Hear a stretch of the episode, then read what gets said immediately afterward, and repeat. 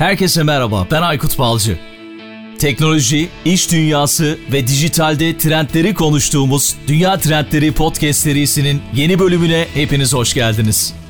Dünya Trendleri Podcast'in yeni bölümünden 41. bölümünden herkese merhaba. Bu bölümde İş Bankası Dijital Bankacılık Birim Müdürü Halim Memiş konuğum oluyor. Geleceğin bankacılık deneyimi, diyalog bankacılığı nedir? Bunun üzerine konuşacağız. Ve Halim şu anda İstanbul'da karşımda ve ona kocaman bir merhaba demek istiyorum Almanya'dan. Halim merhaba, selamlar.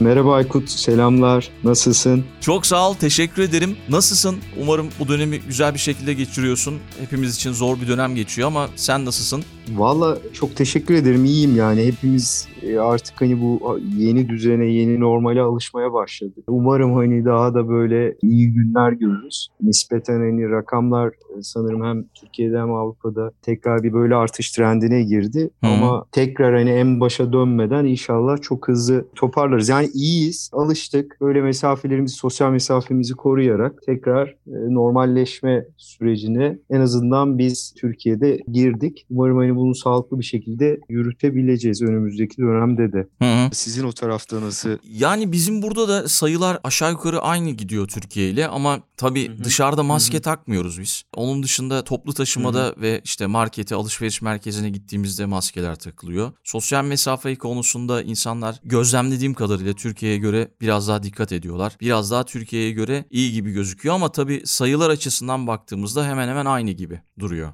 Türkiye ile. İnşallah artık e, böyle bir an önce bir çaresinin bulunmasını bekleyeceğiz hep beraber. Hı hı. Aşısı ya da tedavisi olup tekrar normale dönmüş olmayı umut ediyoruz bir an önce. Hı hı. Aynen öyle. Sağlıklı. Umarım hepimiz için e, gayet güzel olur ve uzun bir süredir de bu döneme artık yavaş yavaş alışmış gözüküyoruz ve işte herkes evden çalışıyor. Evet. Son dönem içerisinde de tabii dijital bankacılık hızlı bir şekilde artış göstermiş durumda bu durumla birlikte ve bugün biz hı hı. bu bölümde hı hı geleceğin bankacılık deneyimi, diyalog bankacılığını konuşacağız ama öncesinde Halim biraz seni tanımak isterim. Bugüne kadar neler yaptın? Sanırım yaklaşık 20 yıldır İş Bankası'nda çalışıyorsun. Biraz kendinden bahseder yani misin biraz 15, bize? 16 diye mi? 15-16 diyelim Tabii. peki. Ee, ben onu düz tamam. 20 yaptım. Ee, çok teşekkür ederim. Tamam olur. Rica ee, ederim. Şöyle yani Aykut ben önce gerçekten bu programa beni davet ettiğin için çok teşekkür ediyorum. İstanbul'da yaşayan günde yaklaşık hani bir, bir buçuk saatini trafik trafikte geçiren ve bu süreyi e, verimli kullanmak isteyen birisi olarak çok uzun bir süredir sıkı bir podcast dinleyicisiyim ben. Hı hı. E, ilk zamanlar yalnızca yabancı programları da ulaşıp onları dinleyebilirken özellikle 2018'in ikinci yarısından sonra e, Türkçe'de de böyle çok farklı konularda çok kaliteli, çok iyi programlar çıkmaya başladı. Dünya trendleri de benim ilk yayınından bu yana çok yakın takip ettiğim ve severek dinlediğim bir podcast'ti.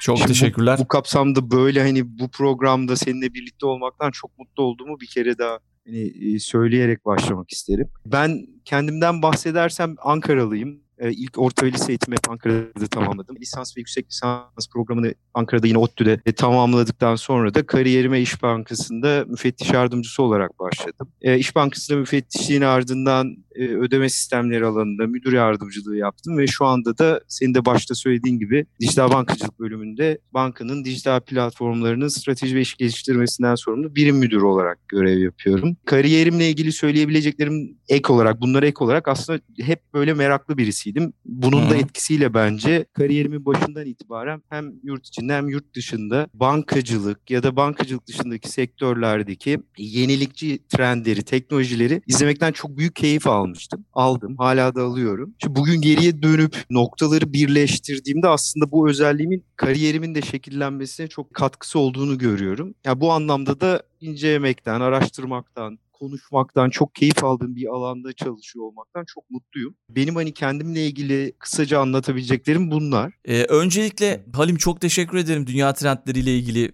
söylediğin güzel şeyler için. Benim de gerçekten yaklaşık 19 yıldır ben radyo programcısıyım. En çok keyif alarak yaptığım işlerden biri oldu Dünya Trendleri Podcast. Ne kadar değerli insanlar olduğunu görme şansını yakaladım Türkiye'de. Ne kadar başarılı insanlar olduğunu görme şansını yakaladım. Ve onlardan biri de sensin. Ve o yüzden seni davet ettim ve bizi bilgilendir. Birçok şeyi öğret istedim. Yani bizi dinleyenlere. O yüzden sen de buradasın. Çok çok teşekkür ediyorum. Yaklaşık 16 yıldır işte bankacılık sektöründe olduğunu söyledin az önce kariyerini hı hı. anlatırken bize. Hı hı. Şimdi ilginç bir şey söyleyeceğim. Daha doğrusu biraz dijital bankacılığın gelişimini ve tarihini bize kısaca anlatmanı isteyeceğim ama öncesinde ben de çok eski bir bankacıyım. ya nasıl oluyor diyeceksin.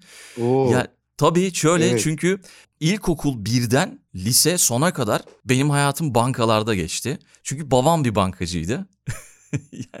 Sabah bankaya Oo, giderdim.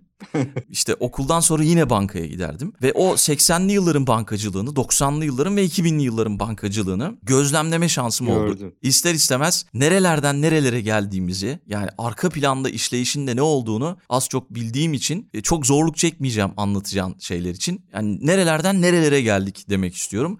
Ama en iyi sen anlatırsın bunu daha çok işin içinde olan biri olarak. Böyle dijital bankacılığın gelişimini, tarihini bize böyle kısaca anlatabilir misin? Tabii memnuniyetle. Aslında biz bugün dijital bankacılıktan bahsettiğimizde ya da dijital bankacılık müşterisi dediğimizde bunu internet ya da mobil platformlarından birisini kullanan müşteri olarak tanımlıyoruz. Ama e, bunu böyle tarihsel gelişimini konuşurken konuyu yalnızca bence internet ve mobil özelinde ele almamakta fayda var. Hı hı. Türkiye'de aslında dijital bankacılık anlamında ya gelişmelere baktığımızda 1980'li yıllara kadar bankacılığın yalnızca şubelerde müşteri temsilcisi ve müşterinin karşılıklı iletişim halinde olduğu bir süreçte olduğunu görüyoruz. Ama 80 sonrasında özellikle 1982 yılında e, İş Bankası'nın hani Türkiye'ye ilk e, getirdiği bankamatiklerle e, aslında şube dışı bankacılık olarak adlandırabileceğimiz süreçte başlamış oldu. Hı hı. E, o dönem için aslında ilk örneğini dünyada 1969'da Barclays'in uygulamaya aldığı ATM'ler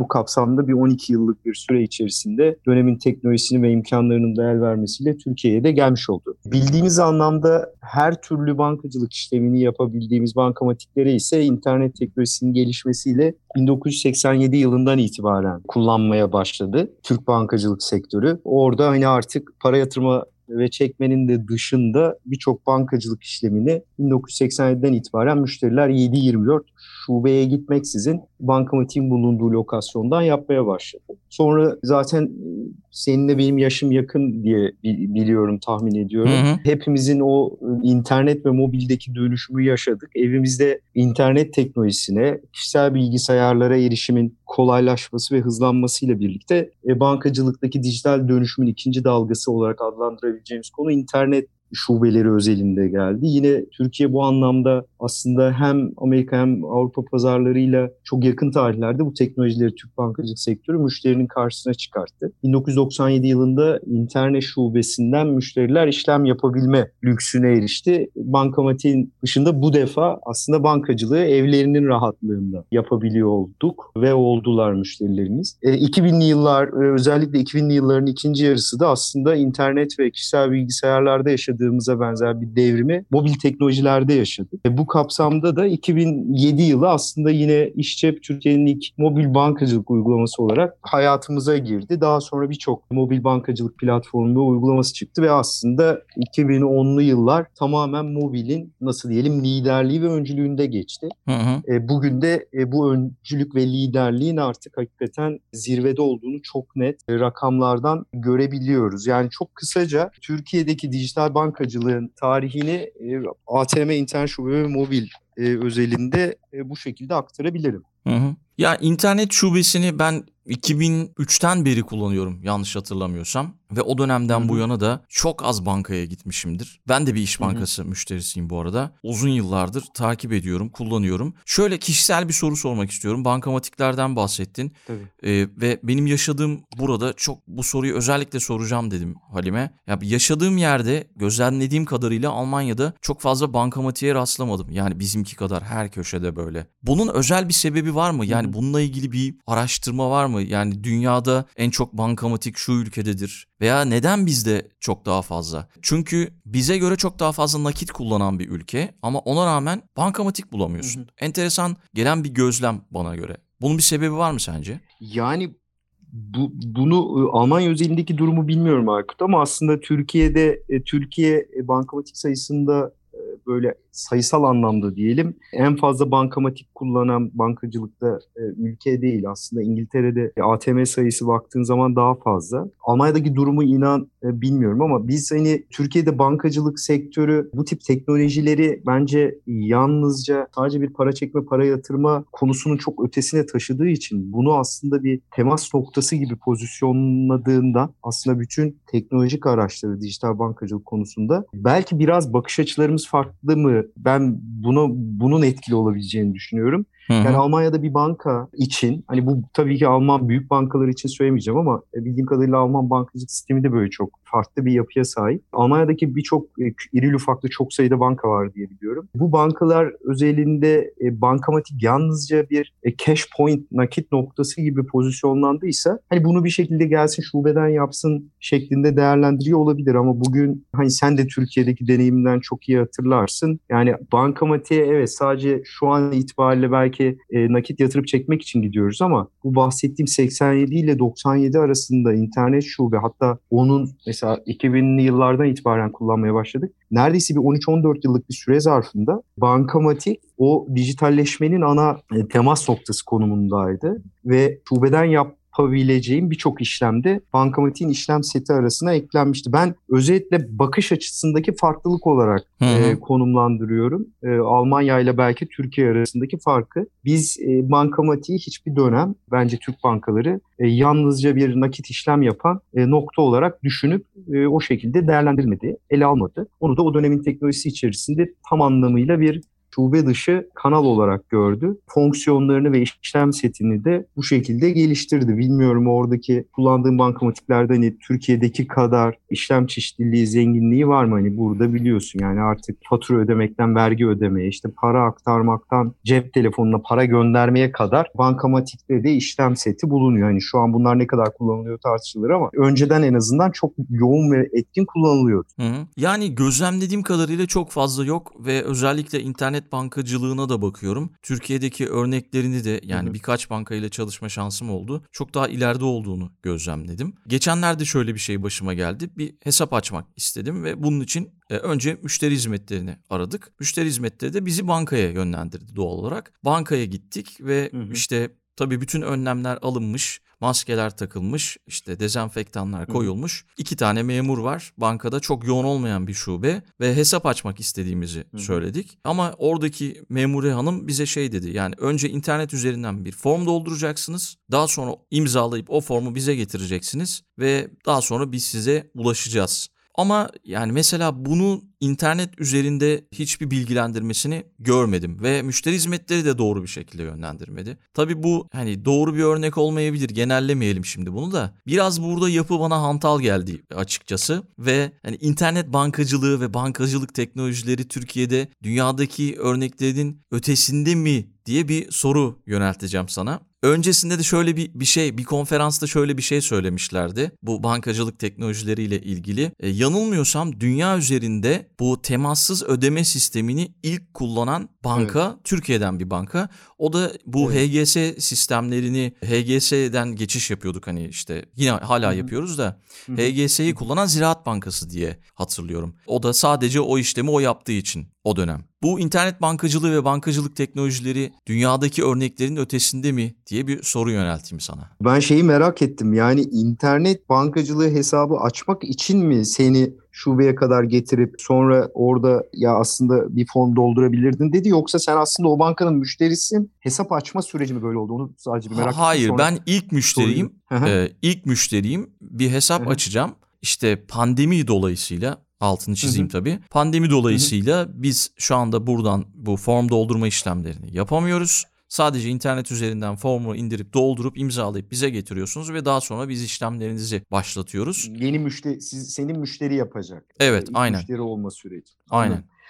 Şöyle yani Türkiye'de aslında evet biz bence birçok alanda bankacılıkta özellikle de bireysel bankacılıkta belki çok yenilikçi ve inovatif çözümlere sürekli imza attık ve bugün aslında bu da e, hem rakamlara hem de içinde bulunduğumuz yurt içi yurt dışı oturumlarda e, en azından muhataplarımız tarafından da takdir ediliyor. Çok yakın tarihte bir çalışmayı hatırlıyorum. 2018-2019 tarihlerinde mesela hem Avrupa hem yakın coğrafyadaki bankaların dijital yetkinliklerini analiz eden, bunu değerlendiren bir çalışmaydı. Türkiye böyle dört ülkeyle birlikte aslında e, Digital Champion olarak adlandırılan grupta bankaların sahip olduğu dijital araçlar, yetkinlikler, bu araçların sahip olduğu fonksiyon sayıları. Yani e, bu kapsamda ben şeyi çok ne söyleyebilirim. Yani Türkiye'de dijital bankacılık anlamında Türk bankaları özellikle müşterilere gerçekten çok uzunca bir süredir çok kaliteli hizmetler ve servisler sunuyor. Yani bugün artık bizim özelimizde e, bir takım örnekler ve veriler paylaşırsam mesela İş Bankası'nda e, yaklaşık 9 milyona yakın müşteri bugün internet şube ya da işçevi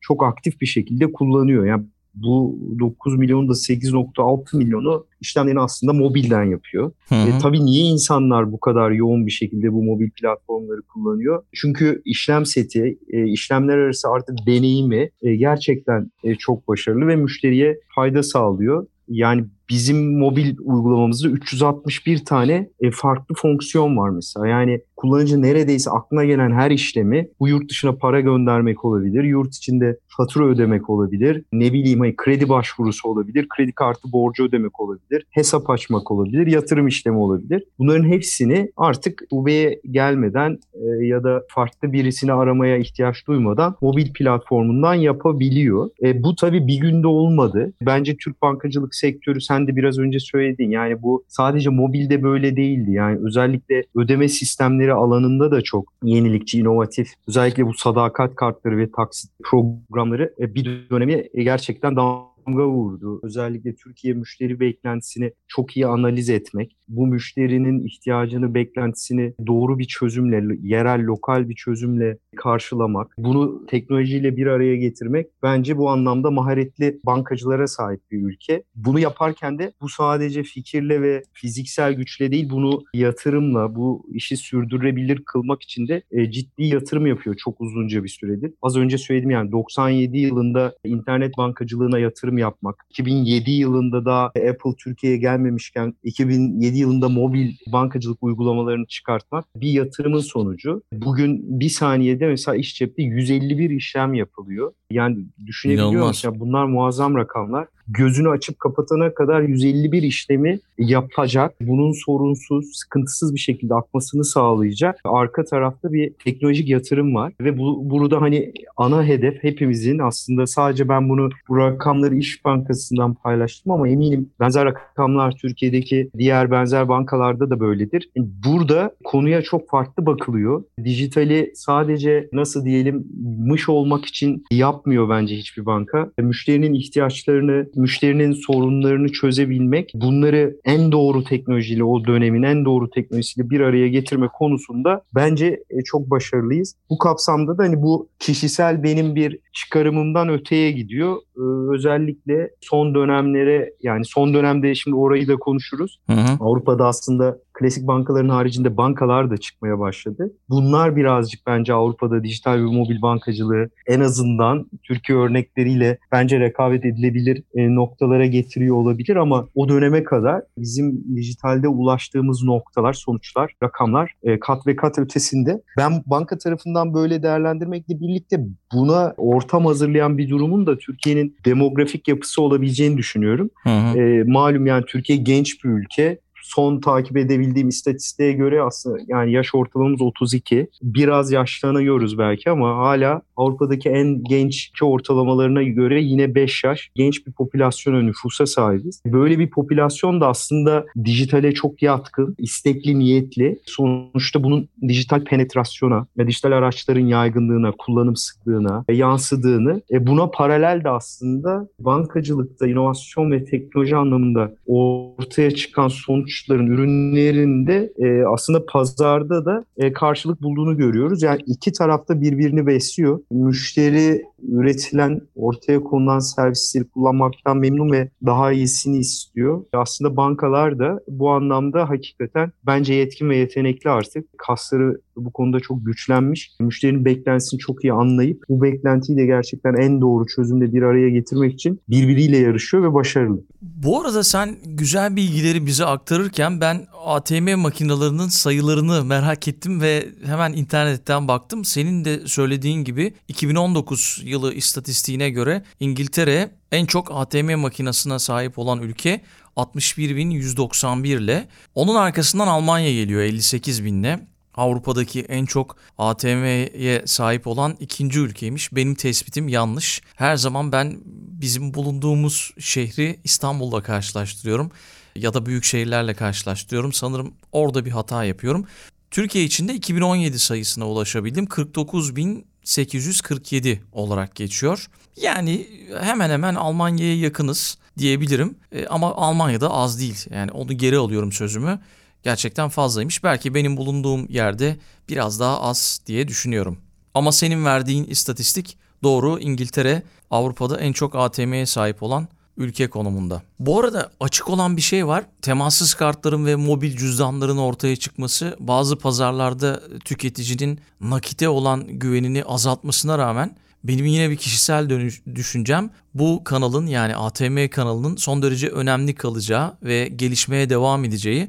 Az önce senin de söylediğin gibi çünkü oradan her şeyi yapabiliyoruz. Yani sadece para çekmiyoruz, her şeyi yapabiliyoruz. Ve o yüzden gelecekte yine ATM'ler bence hayatımızda olacak. Ve şunu eklemeden de geçemeyeceğim. Yani belki geçmişte yaşadığımız olumsuz tecrübelerin de etkisiyle daha çok güçlenerek bankacılık sektörü Türkiye'de dünyada diğer bankalara göre, dünyadaki diğer ülkelere göre daha önde diye düşünüyorum ama şimdi bu içinde yaşadığımız son dönemle birlikte bankacılıkta bir takım di- dijital değişim oldu ve bu dijital değişimin ana nedenlerinden belki bahsedebiliriz. Senin son dönem içerisindeki gözlemlerin belki istatistiklerden bize bahsedebilirsin. Ne gibi değişimler var? Yani şöyle, e, şimdi bankacılıkta aslında dijitaldeki e, değişimi bence birkaç farklı sebebi var ama ben bunların başına teknolojideki hızlı değişimin etkisiyle aslında değişen müşteri beklentilerini koyuyorum. Senin de bir programında aslında değindiğin bir konuydu yanlış hatırlamıyorsam bu C kuşağı. Hı hı. Ee, X, Y ve Z kuşaklarını hani Z kuşağını anlamaya çalışırken onu konuşurken aslında bunun altında çok daha yeni bir kuşak hayatımıza girdi yani C kuşağı diye. Burada müşteri e, artık hani e, teknoloji elinin altında ve bilgiye çok hızlı ulaşabiliyor. Bu bilgiye bu kadar hızlı ulaşması ona aslında değişen iş modelleriyle de birlikte inanılmaz bir alternatif imkanı da e, birlikte getirdi. Çok hızlı bir şekilde aynı ihtiyaç duyduğu konuda çok sayıda alternatife ulaşabiliyor. Bir diğer konu bunun etkisi aslında insanlar için artık e, sektör spesifik beklentiler ortadan kalkmaya başladı. Birisi diyelim hani Uber'de, Instagram'da, Twitter'da ya da farklı bir dijital platformda yaşadığı bir deneyimi aslında bankasından da bekliyor. E, geçişken hale geldi yani bana kalırsa sektörler.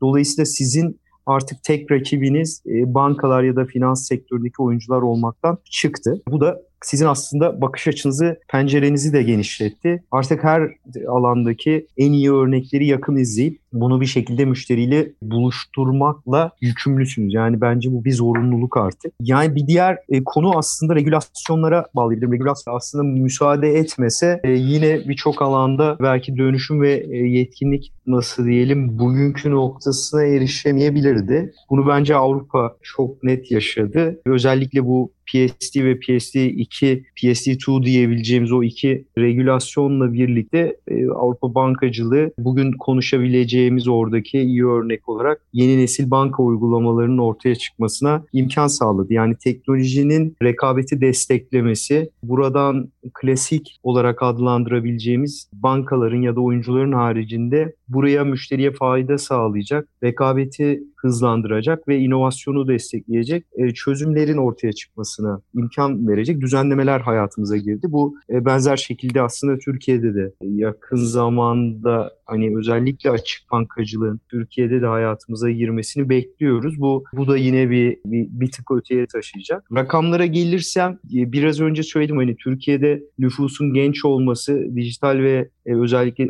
dijital cihazların kullanımında da oldukça iyi noktalara ulaşmamıza imkan sağladı. Bugün 2020'nin hani ikinci çeyrek rakamlarını Türkiye Bankalar Birliği açıklamış, ilan etmişti. Hani buna Hı. göre bugün itibariyle Türkiye'de son 3 ay içerisinde aktif bir şekilde internet ya da mobil platform kullanan 62 milyon deri var. Ee, yani çok büyük bir rakam. Ee, aslında geldiği penetrasyonun ulaştığı bir noktayı gösteriyor. Bunların 58 milyonu ise yalnızca mobil bankacılığı kullanıyor. Hakikaten hep vurguluyorum yani bunlar iyi rakamlar. Bankaların da iyi iş yaptığını sonuç itibariyle müşteri nezdinde bu işlerinde e, karşılık bulduğunu gösteriyor. Bu soruya böyle söyleyebilirim. Yani temelde dijital dönüşümü diyelim hızlandıran faktör teknolojinin değişmesiyle birlikte farklılaşan müşteri beklentileri ve ihtiyaçları. Bir de belki buna paralel burada rekabeti e, zenginleştirecek, arttıracak e, yenilikçi çözümlerin ortaya çıkmasını teşvik eden düzenlemeler. Tam da burada şey diyebilirim herhalde nereden nereye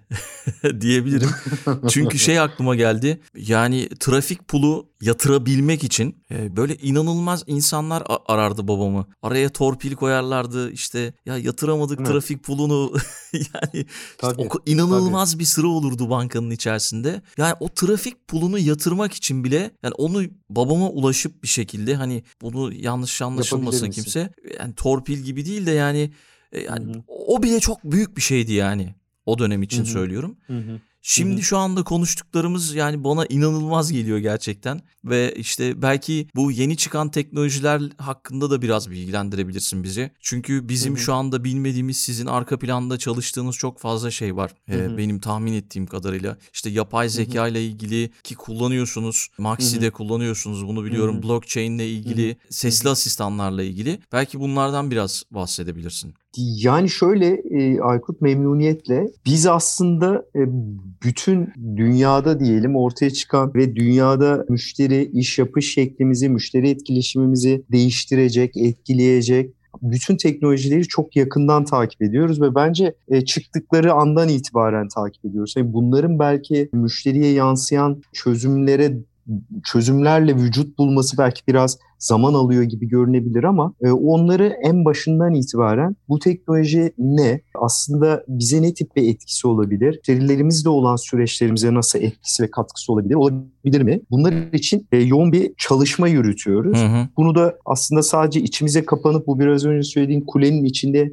ikiz kulelerde yapmıyoruz. Yani İş Bankası üzerinde baktığımda e, İş Bankası hakikaten bütün dünyayı belki teknoloji merkezlerinin haplarını yerinde ve e, yakınen takip edebilmek için aslında burada bir bizim bir tane de teknoloji iştirakimiz var biliyorsun Softek. E, onun da aracılığıyla hem San Francisco'da hem Çin'de böyle gerçekten e, oraya arkadaşlarımızı da gönderip orada bizzat fiziken ofisler açıp bu süreçleri özellikle de hani yapay zeka, blockchain gibi diyelim. Yapay zeka deyince aslında birçok alt başlığı da var. Hı. Bu alanda oralarda neler var? Bunun bankacılığa yansıması nasıl olabilir? Biz bunlarla ne tip etkileşimler yapabiliriz? Bunları da yerinde araştırıyoruz. Yani Türkiye'deki yaptığımız çalışmalara ek olarak. Yapay zeka bizde e, bu anlamda hani en öne çıkmış diyelim nasıl başlıklardan bir tanesi. Banka çok yakın bir zamandan bu yana da böyle ciddi bir çevik e, dönüşme girdi. E, organizasyonel anlamda da bir çevik yapılanmayı ve çevik iş e, modelini benimsedi. E, yapay zeka bu kapsamda oluşturulan e, nasıl diyelim e, takımlardan e, kalabalık takımlardan, tribe'lardan bir tanesi ve özellikle iş süreçlerimizde nasıl iyileştirebiliriz? Ya bir de bizim bankada şöyle bir vizyonumuz var. Yapay zekayı insanın yerine değil yanına konumlandırarak süreçlerimizi ilerletiyoruz. Yani nasıl personelin işlerini kolaylaştırabilir. E, aslında onun zamanın önemli bir kısmını katma değerli işlere ayırabilir. E, bu kapsamda birçok farklı süreçte şu an e, birçok farklı e, çıktı ve çözüm implemente edilmiş durumda ama ekip hala da mesela birçok sürecimizi iyileştirmek için çabalıyor, çalışıyor. Bir alt başlığı sen söyledin, kanal asistanlar. E, aslında bu konu e, bu konuyu bence Maxi perspektifinde biraz daha e, uzun konuşabilirim, anlatabilirim. Hı, hı e, biz e, bu doğal dil işleme yani yapay zekanın altındaki doğal dil işlemeyi de e, yine çok uzunca bir süredir takip ediyoruz. Yani bu tarafta Siri ile başlayan hani ilk başta belki e, basit gelen hepimize bir yolculuk var. Ve 2017'de biz şunu e, gördük ki e, ya burası artık e, nasıl diyelim üzerinde e, bir çözüm üretebileceğimiz Türkiye'de de ve süreçlerimize de implemente edebileceğimiz bir noktaya geldi. Yani burada artık ulaşılabilir diyelim. Hani ilk başta belki çok e, belli yerlerde e, yüksek maliyetlerle yürütülen çalışmalardı. Ulaşılabilir, kullanılabilir bir boyuta geldi mi dedik ve bunu niye önemsedik? Yani biraz önce sana dijital bankacılığın tarihçesini konuşurken orada hep şunu söylemiştim. 80 yıllara kadar aslında bankacılık diyalog tabanlı bir süreçti. Yani sen e, müşteri olarak şubeye geliyordun, yapmak istediğin işlemi söylüyordun, müşteri temsilcisiyle karşılıklı konuşarak da o işlemi bitiriyordun. 80'lerden itibaren yani o teknolojik anlamdaki dönüşüm bize aslında şunu e, çünkü teknoloji ona imkan veriyordu. Herkesin karşısına bir e, müşteri temsilcisi koymak değildi o yapabileceğimiz bir şey değildi. Hı hı. Şuna müsaade etti. Elimizdeki diyelim müşteri temsilcilerimizin önündeki ekranları o dönemin donanımı ve teknolojisiyle iyi e, yine arayüzler ve kullanıcı deneyimiyle müşteriye sunduk ve müşterilerimiz e, aslında kendileri e, bizzat oldukları bulundukları yerin rahatlığında bunu yaptı. Şimdi doğal dil işleme yani bir şeyle konuşuyorsun e, ya da ona bir şey yazıyorsun o sana yazdığını anlayıp yanıt veriyor. Bu niye çok önemli e, ya da biz niye bunu çok önemsedik? Bu gerçekten o 80 öncesi yani bizim alıştığımız alıştığımız müşteri e, kurum etkileşimini tekrar orijinal noktasına teknolojinin desteğiyle birlikte götürme imkanı sunuyor. Bunun üzerine biz 2017'de dedik ki evet bunun üzerine çalışalım mı?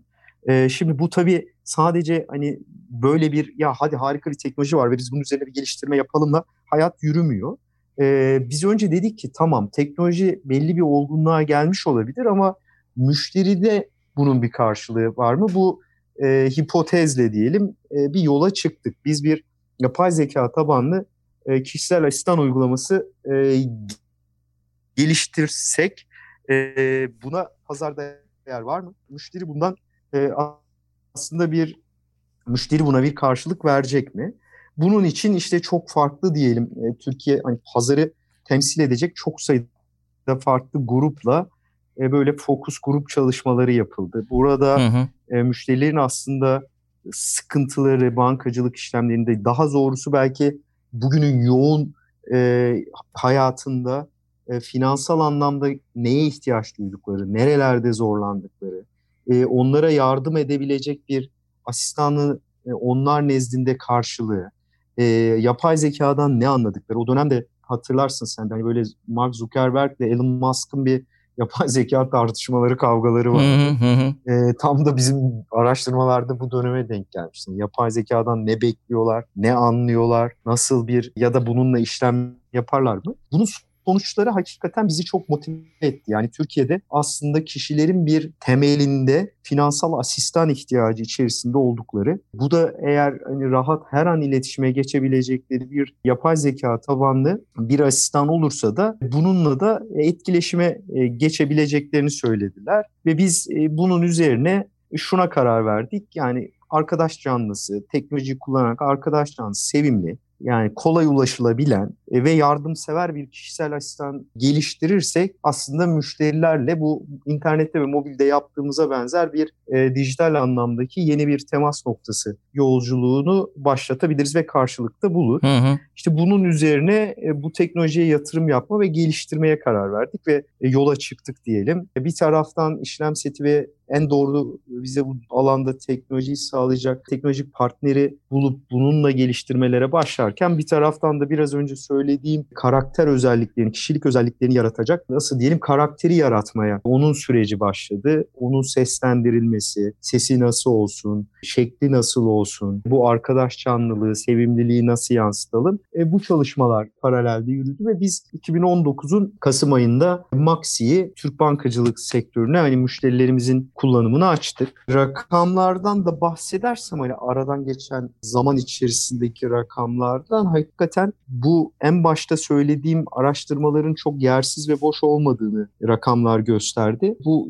yaklaşık hani iki yıla yaklaşan diye bir buçuk yılı geçti. Süre zarfında Maxi 6,5 milyon müşteriyle 43 milyonun üzerinde diyalog, diyalog gerçekleştirdi. Dolayısıyla en azından hani müşteriler onunla bir etkileşime girmekte, onunla ona soru sormakta, onunla işlem yapmakta e, bocalamadı. Hı hı. Hatta şunu da gördük, işlem yapan, onu deneyen, kullanmaya başlayan onunla tekrar tekrar e, işlem de yapmaya devam ediyor. Yani bugün artık hani aylık 1 milyonun üzerinde aktif kullanıcısı var. Bu rakam da yine aslında hani bunu yurt dışında da bulunduğumuz özellikle bu conversational AI diyeyim bu alandaki oturumlarda da görüyoruz ki hani bu rakamlar yani böyle wow etkisi yaratıyor birçok ülkede. Hı hı. E, özetle hani ben bunu e, bu diyalog bankacılığı olarak adlandırıyoruz bu taraftaki süreci. Bu konuyu daha çok başındayız.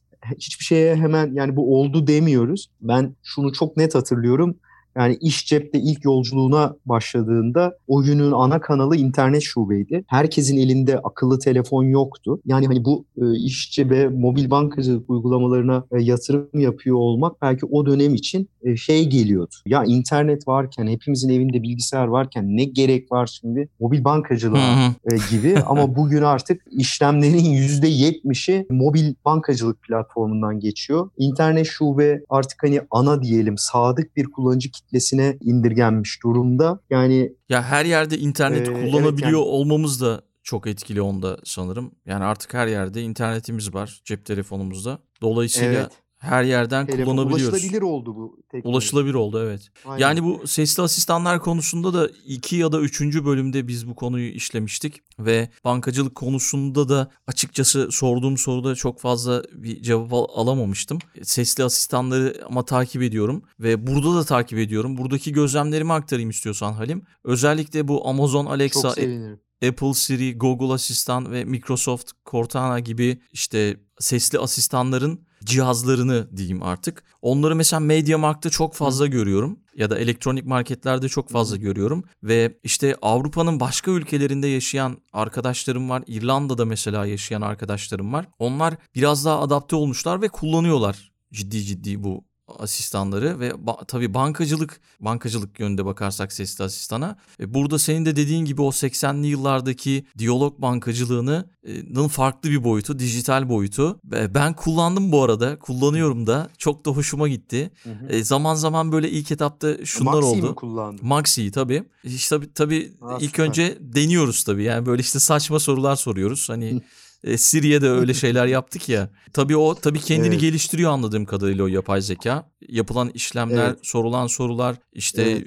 Kaç milyon işlem yapıldı dedin? 43 milyon mu demiştin? 43 milyon diyalog yapıldı. Diyalog yapıldı evet. Maxi ile. E, bir buçuk yıl Evet. gibi bir sürede bu da. Rakam da Evet. çok iyi. Yani gelecekte işte bu sesli asistanların çok daha fazla e, gelişeceğini yani sesin çok daha planda ön planda olacağını görüyoruz. Ki podcastlerin de son dönemde ön plana çıkmasından bunu anlayabiliriz. Peki şeyi soracağım. Mesela Hı hı. seslendirme yapıldı sanırım ama ayrı bir Evet. ses mi yarattınız? Kendinize özgü bir ses mi yarattınız? Ayrı bir kendimize özel bir ses yarattık evet. Hı hı. Yani şunu Çünkü böyle bir teknoloji var kere, artık e, yani. Aldığımız yani evet yani şunu dedik yani biz e, müşteri bir kere o biraz önce söyledim ya hani beklediği e, arkadaş canlısı sevimli, samimi, ulaşılabilir karakter bekliyordu ve genel anlamda hani birçok şu an dünyada belki örnekler daha cinsiyetsiz gibi e, asistanları pozisyonluyor ama Türkiye'de e, bizim araştırmalarımızda aslında asistan olarak hem bayanların hem erkeklerin bir e, bayan diyelim hani Siri'de de o bayan sesi ve bayan asistan kavramına yakın olduğunu görünce biz aslında bunu yaratabilecek bir de ses anlamında o yola da girdik. Yani birçok farklı kayıt dinledik, birçok farklı spiker dinledik ve bunun sonunda aslında hani bugün kullandığımız, duyduğumuz o maxi sesini yaratan diyelim birisini bulup o da o dönem İngiltere'de yaşıyordu. Onunla yaklaşık işte 3 ay boyunca yazın e, stüdyoda çok sayıda kayıt alarak o Maxi sesi train edildi. Şu an aslında e, artık o sesi kullanarak biz sürekli hani her öğrettiğimiz şey için tekrar tekrar ses kaydı almıyoruz ama o ses artık onu seslendirebiliyor diyelim. O verdiğiniz cümleyi yarattığınız ses okuyup müşterinin karşısına çıkartabiliyor. Dolayısıyla Maxi'de duyduğunuz sesi şu an siz başka bir yerde duyamazsınız. O ses tamamen İş Bankası'na ve Maxi'ye özel. Çünkü e, sesli asistanlar konusunu araştırırken artık böyle bir teknolojinin olduğunu yani işte istediğiniz bir sesi teknolojik açıdan yapılabileceğini e, okumuştum, araştırmıştım. Tabii. Yani işte şu tonda olsun, tok olsun, işte ne bileyim teknik özellik dediğin gibi az önceki özellikleri verip bir ses yaratılabilir. E, baştan bir ses çıkartılabilir. Kimsede olmayan bir ses çıkartılabilir ki bu da gerçekten e, güzel bir şey. E, özellikle şeyde bu call center'larda sanırım Almanya'da bir banka ya da posta teşkilatı olması lazım. Apayrı bir ses yaratıp bir müşteri hizmetleri temsilcisi yaratmış. Böyle bir haber Oluştur. vermiştim, oluşturmuş. Ve tabii ki orada gerçek insan müşteri hizmetleri temsilcileri yok artık. O sesli asistan yardım ediyor e, tamamen. Böyle bir durum var. İşin bir de bu boyutu var. yani Evet, bu tarafa doğru da e, gidebilir. Biraz önce söylediğim gibi hani birçok belki operasyonel olarak adlandırabileceğimiz süreçte artık bu asistanlar e, kullanıcıya destek olabilir, müşteriye destek olabilir. Burada da artık hani belki şey o işi bugün yapanlar zamanlarının e, daha böyle hani nasıl katma değerli e, servislere doğru e, yönlendiriyor olacak diye tahmin ediyorum. Hı hı. Peki o zaman yavaş yavaş sona doğru geliyoruz. Covid-19 sonrası hı. diyalog bankacılığı hı. ne yönde değişti? Belki bu konuda biraz bilgi verebilirsin. İstatistiklerden bahsettik ama yani daha fazla mı hı hı. kullandık, daha az mı kullandık? Şöyle aslında Covid-19'un hem sesli asistanları hem de bence dijital bankacılık e, platformlarına nasıl diyelim pozitif bir etkisi oldu. O da şu anlamda oldu. Yani kişiler aslında artık şubeye gelmek istememeleri, e, bir şekilde zorunluluksan artık bankacılığı dijital e, internetten ya da mobilden, ağırlıklı mobilden yapmayı öğrenmek durumunda kaldı diyeyim. Hı hı. Aslında sadece bankacılık için de değil bu. Belki hiç hayatında yemek siparişi vermemiş kişiler artık mobilden sipariş vermeye başladı. Belki daha önce market alışverişini sanal platformlardan yapmamış kullanıcılar e, sanal platformlardan market alışverişleri yapmaya başladı. Yani bütün bence dijital e, mecraların bir şekilde müşteri nezdinde önemi ve farkındalığı arttı. Bu e, dijital bankacılık, mobil bankacılık ve diyalog bankacılığı tarafındaki istatistiklere de yansıdı. Biraz önce söylemiştim ya yani bu ikinci çeyrek rakamlarını Türkiye'de, Türkiye Bankalar Birliği'nin. E, orada da bunu çok net görebiliyoruz. Hani birinci çeyreğin Mart sonunda bittiğini düşünelim. Ocak, Şubat, Mart ve Türkiye'deki ilk vakanın 12 Mart'ta göründüğünü ve aslında sürecin Nisan, Mayıs, Haziran yani ikinci çeyrek dediğimiz dönem gerçekten aslında ve bütün önlemlerin çok e, sıkı bir şekilde izlendiği, yoğun olarak artık kişilerin evden e, çıkmamaya davet edildiği bir dönemdi. E, bu dönemde hani son 4-4,5 yıl içerisindeki Türkiye Dijital Bankacılık istatistiklerindeki en büyük çeyreklik büyümelerin olduğunu görüyoruz. Hem mobil kullanıcı sayısında hem de dijital müşteri sayısında. Bu eminim bütün dünyada da böyle olmuştur. Doğal olarak artık insanlar bir şekilde hani reklamla, onunla bununla etkilenmeden işlemlerini mobilden ve internet şubeden yapmaya başladı. Aynı durum Maxi'ye de yansıdı. E, orada zaman geçiren kullanıcı e, Maxi ile de daha fazla etkileşime girdi. E, Maxi tarafında değişen bir konu e, biz aslında şu an e, Türkiye'de e, maalesef Amazon Alexa, Google Home gibi smart speaker'lar henüz Türkçe desteği yok ve Türkiye'de hı hı. E, satışta değil. O yüzden asistanları e, mobil cihazın içerisinde, mobil uygulamanın içerisinde müşteriyle e, etkileşime e, sunuyoruz. Orada da müşteri tabii private bir alan olmadıkça belki sesli işlemi çok tercih etmeyebileceğini düşündüğümüzden sesli ve yazışmalı iki yeteneği ve yetkinliği de kullanıcıya açıyoruz. Bu dönemde şunu fark ettik. Evde de olmanın etkisi bu bence. Maxi tarafında sesli işlem yani diyalog Biraz önce sen de söyledin ya hani ses önümüzdeki dönemde giderek artacak. Bunu fark ettik. Evdeyken daha böyle e, kendine diyelim özel bir alandayken hı hı. sesli işlemlerin oranının hani %20'nin üzerine çıktığını gördük. Yapılan işlemlerin %20'den fazlası sesli diyalogla yani Maxi ile konuşarak İşte Maxi hesabımda ne kadar var? Maxi işte bugün ödemem gereken işte geçen hafta nereye ne kadar harcadım gibi bu tip soruları e, müşterinin konuşarak sordu. E, Maxi'den de yanıtlarını konuşarak beklediği içerikler oldu. Yani Covid-19 hepimiz için aslında inşallah bir an önce kurtulalım dediğimiz bir konu. Bir etkisi e, bence herkesin e, aslında dijital e, platformları her sektörde bunların önemini e, ve farkındalığını hissettiği, iyi ki varmış dediği bir dönem Hı-hı. oldu. Biz de buna Türk bankacılık gene sektör açısından konuşuyorum. Türkiye hazırdı. En azından süreçleri e, müşteri tarafında çok büyük sıkıntı ve sorun olmadan e, karşılayabildi. Rakamlar da son 4,5-5 yıl içerisindeki en yüksek noktalarına ulaştı. Hı hı. Ama önümüzdeki yıllar içerisinde çok daha hızlı yükselecektir bu. Çünkü ben buradaki gözlemi özellikle paylaştım işte o cihazların şu anda Türkiye'de olmaması ama Avrupa tarafında baktığımda şu anda o teknoloji marketlerde en çok satılan cihazlar olduğunu gözlemledim. İlerleyen yıllar içerisinde Türkiye'ye de o Türkçe dil desteği geldikten sonra çok daha fazla ilgi görecektir diye düşünüyorum. O yüzden Kesinlikle yani katılıyorum. Hı. Yani 190 milyon satmış mesela 2019 e, yılında dünya genelindeki e, smart speaker satış sayısı ve bu bir önceki yıla göre sürekli şu an e, nasıl denir hani exponential bir hızla artıyor. Amerika'da bugün yani 2019'da artık hani evlerde olan cihaz sayısı son iki yıla göre %135 oranında artmış. Yani artış çok hızlı ve biraz önce de söylediğim gibi henüz bu rakamlar bu 190 milyon ünite diyelim dünya genelinde olmayan sadece pazara çıktığı ülkelerde ulaştığı satış rakamları çok iyi hızla artıyor. Hı. Artık hani her evde böyle bir e, cihaz olduğunu düşünsene yani sen eve geldiğinde de o diyor ki sana işte Aykut işte bugün itibariyle e, şöyle bir ödemem vardı. Ne kadardı diyorsun? E, bu kadardı diyor. Ödememi ister misin diyor. Sen de diyorsun ki evet öde. Sonra diyelim o sırada diyor ki ya ödemeye çalıştım ama bu sırada atıyorum hesabında yeterli de bakiye yok. E, limitini arttırmamı ister misin? Arttır diyorsun. Tamam limitini arttırdım ödemeni yaptım. E, yapmam istediğin başka bir şey var mı? Yok teşekkür ederim geçtin. Hani bankacılığı bu noktaya evirebilir bu konu. Ya da işte e, bir şey almak istiyorsun. Nereden alabilirim? Buradan alabilirsin. Ne kadar alabilirim? Bu kadar alabilirsin. Hani bunu kartla mı ödeyeceksin? Krediyle mi ödeyeceksin? Bu süreci tamamen seninle etkileşim halinde önünü açacak. Yani bu, bu cihazlar yaygınlaştığında biraz önce senin de söylediğin gibi hani o mobilde artık her yerden internete erişebilmek, cihazlarımızın internet kullanımının kolay olması, rahat olmasının yaptığı etki belki e, bu akıllı ne diyelim bu smart speaker'ı nasıl Türkçeleştirelim? Akıllı, akıllı hoparlörlerin hoparlörler diyelim evet.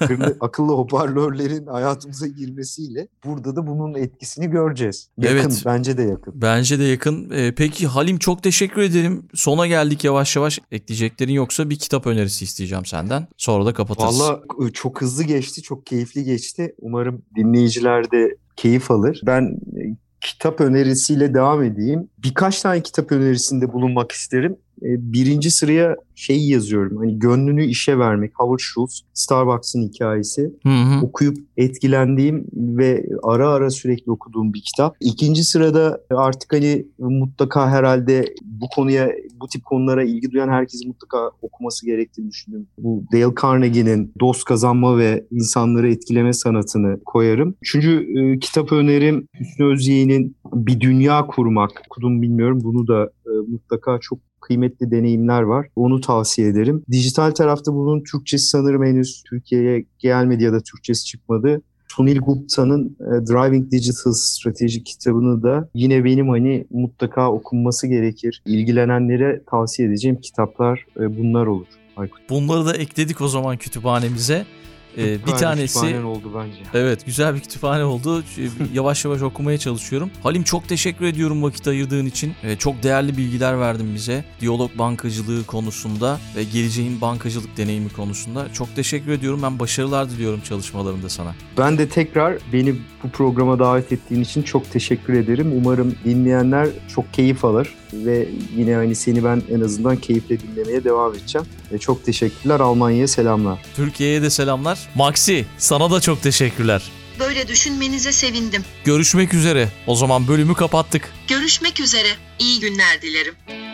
Dünya Trendleri Podcast serisinin bu bölümünün sonuna geldik. www.dünyatrendleri.com Twitter'da et Dünya Trendleri, Instagram'da Dünya.Trendleri adreslerinden Dünya Trendleri Podcast'i takip edebilirsiniz.